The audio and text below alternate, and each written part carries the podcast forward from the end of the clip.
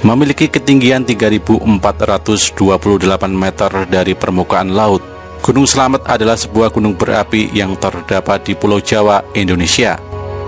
Gunung Slamet terletak di antara lima kabupaten, yaitu Kabupaten Brebes, Kabupaten Banyumas, Kabupaten Purbalingga, Kabupaten Tegal, dan Kabupaten Pemalang, Provinsi Jawa Tengah. Gunung Slamet merupakan gunung tertinggi di Jawa Tengah, serta kedua tertinggi di Pulau Jawa setelah Gunung Semeru. Kawah 4 merupakan kawah terakhir yang masih aktif sampai sekarang, dan terakhir aktif hingga pada level siaga pada tahun 2009 silam. Gunung Slamet cukup populer sebagai sasaran pendakian meskipun medannya dikenal sulit. Di kaki gunung ini terletak kawasan wisata Batu Raden yang menjadi andalan Kabupaten Banyumas karena hanya berjarak sekitar 15 km dari Purwokerto. Sebagaimana gunung api lainnya di Pulau Jawa, Gunung Slamet terbentuk akibat subduksi lempeng Indo-Australia pada lempeng Eurasia di selatan Pulau Jawa. Retakan pada lempeng membuka jalur lava ke permukaan. Catatan letusan diketahui sejak abad ke-19 Gunung ini aktif dan sering mengalami erupsi skala kecil. Aktivitas terakhir adalah pada bulan Mei 2009 dan sampai Juni masih terus mengeluarkan lava pijar. Sebelumnya Gunung Slamet tercatat meletus pada tahun 1999.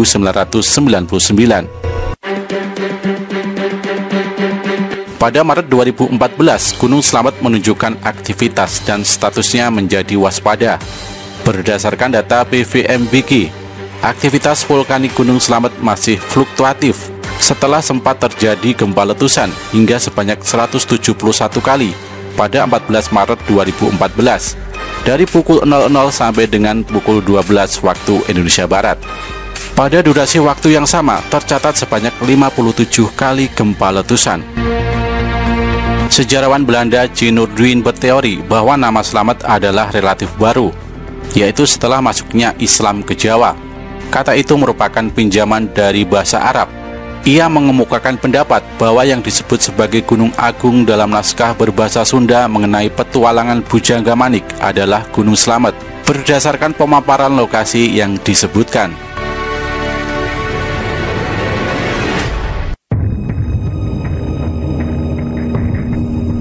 Berdasarkan cerita yang berkembang di masyarakat, Gunung Slamet pertama kali diberi nama oleh Syekh Maulana Maghribi seorang penyebar agama Islam yang berasal dari negeri Rum Turki. Di sana dia merupakan seorang pangeran. Suatu hari setelah melaksanakan ibadah sholat subuh, Syekh Maulana melihat cahaya misterius yang menjulang tinggi di angkasa. Sang pangeran itu merasa tertarik dan ingin mengetahui sumber cahaya misterius tersebut. Beliau pun memutuskan untuk menyelidikinya sembari menyebarkan agama Islam dengan ditemani pengikutnya yang setia bernama Haji Datuk serta ratusan pengawal kerajaan. Mereka berlayar menuju ke arah sumber cahaya misterius. Namun ketika kapal yang ditumpangnya tiba di pantai Gresik, Jawa Timur, tiba-tiba cahaya tersebut muncul kembali di sebelah barat. Dia pun memutuskan untuk ke arah barat hingga sampai di pantai Pemalang, Jawa Tengah.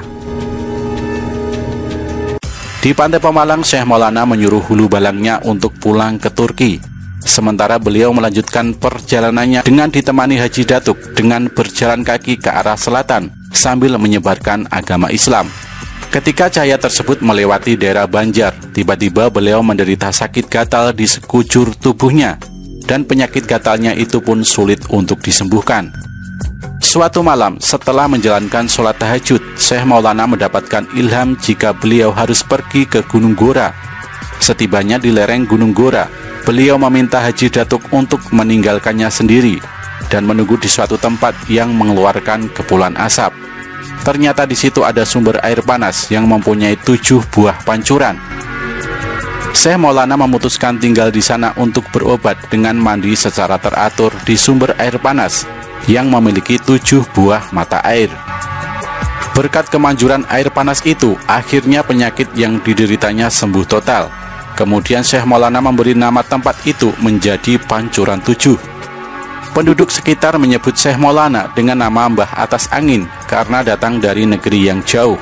Kemudian Syekh Maulana Maghribi memberi gelar kepada Haji Datuk dengan sebutan Rusuludi yang dalam bahasa Jawa berarti Batur Kang Adi atau Abdi yang setia.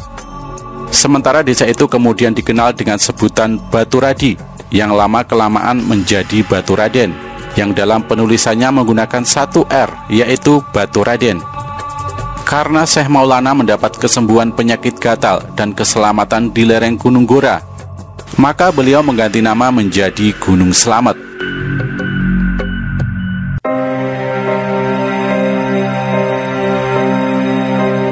Berbicara soal ramalan, ada banyak petuah Jayabaya yang mengejutkan orang, termasuk salah satunya yang paling ngeri adalah Nugel Tanah Jowo Kaping Pindu, yang bisa diartikan sebagai mematahkan Jawa untuk yang kedua kali. Ramalan Jayabaya memang tak pernah sangat jelas, selalu dikemas dengan syair sehingga tafsirnya bisa berbeda-beda. Tapi yang satu itu menurut banyak orang cukup jelas artinya, Lalu apakah benar Jawa akan terpisah jadi dua bagian? Kemudian apa saja tandanya jika benar-benar demikian? Berdasarkan cerita dari berbagai sumber dikatakan bahwa Jawa dan Sumatera dulunya adalah satu kepulauan. Selain bukti fisik, hal ini juga bisa dilihat dari cerita-cerita sejarah. Kemudian lantaran masih satu area, maka orang dulu menyebutnya Sunda Besar atau mungkin ada yang bilang Jawa saja. Lalu apa korelasi hal ini dengan ramalan Jayabaya? Seperti yang kita tahu, Jawa dan Sumatera akhirnya terpisah karena beberapa hal termasuk salah satunya adalah meledaknya Gunung Krakatau pada tahun 1883. Letusan gunung yang anaknya masih eksis ini memang luar biasa, Salah satunya membuat dunia gelap sementara karena abu vulkanisnya. Karena ledakannya pula akhirnya daratan yang menghubungkan Jawa dan Sumatera sekarang terpecah. Banyak orang yang kemudian mengaitkan ini sebagai realisasi dari ramalan Jayabaya soal Jawa yang patah. Alhasil tidak sedikit pula yang menyimpulkan jika petua sang raja sudah terjadi sehingga kita bisa tenang. Tapi di ramalan disebutkan kata kaping pindu yang artinya dua kali Lalu apakah setelah pisahnya Jawa dengan Sumatera akan terjadi hal yang serupa? Walahu alam bisawab.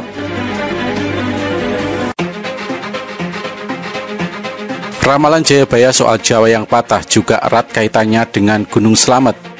Jadi menurut mitos masyarakat setempat, seandainya gunung yang ada di lima kabupaten di Jawa Tengah ini meledak, maka Jawa akan benar-benar terbelah. Bahkan menurut sesepuh di sana, kejadian tersebut akan membuat laut utara dan selatan Jawa bertemu. Mitos memang kadang susah dipercaya, tapi kita lakukan analisis kecil. Kalau dilihat di peta, letak Gunung Slamet ini memang pas sekali di tengah-tengah Jawa, baik dari selatan ke utara maupun barat ke timur. Dan faktanya, Gunung Slamet adalah salah satu dari sekian gunung di Jawa yang masih aktif sampai sekarang, di mana bisa sangat mungkin untuk meletus. Jika pada akhirnya benar-benar meledak, maka memang tidak mustahil ia bakal membuat retakan yang begitu besar dan akhirnya jadi bukti ramalan. Semoga saja hal ini tidak terjadi. Gunung ini dinamai selamat bukan tanpa alasan, melainkan sebagai sebuah doa.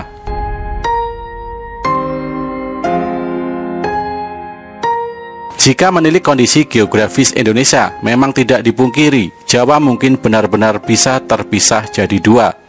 Seperti yang kita pelajari di sekolah, posisi negeri ini terletak di cincin api Pasifik, di mana sangat rentan terjadi letusan gunung berapi.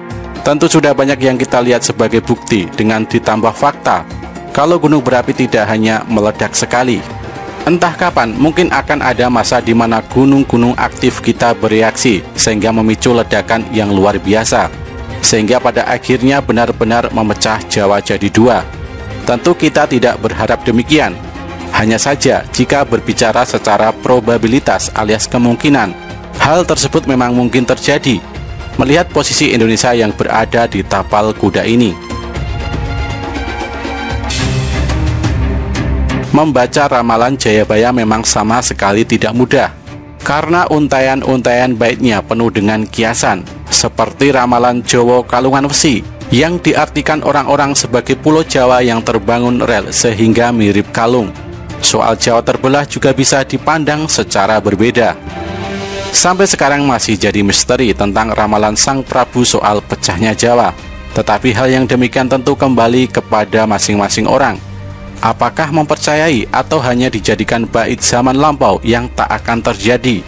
Namun soal persatuan zaman sekarang yang agak miris, adakah yang berpikir jika mungkin itulah yang sebenarnya dimaksud Jayabaya dalam ramalannya?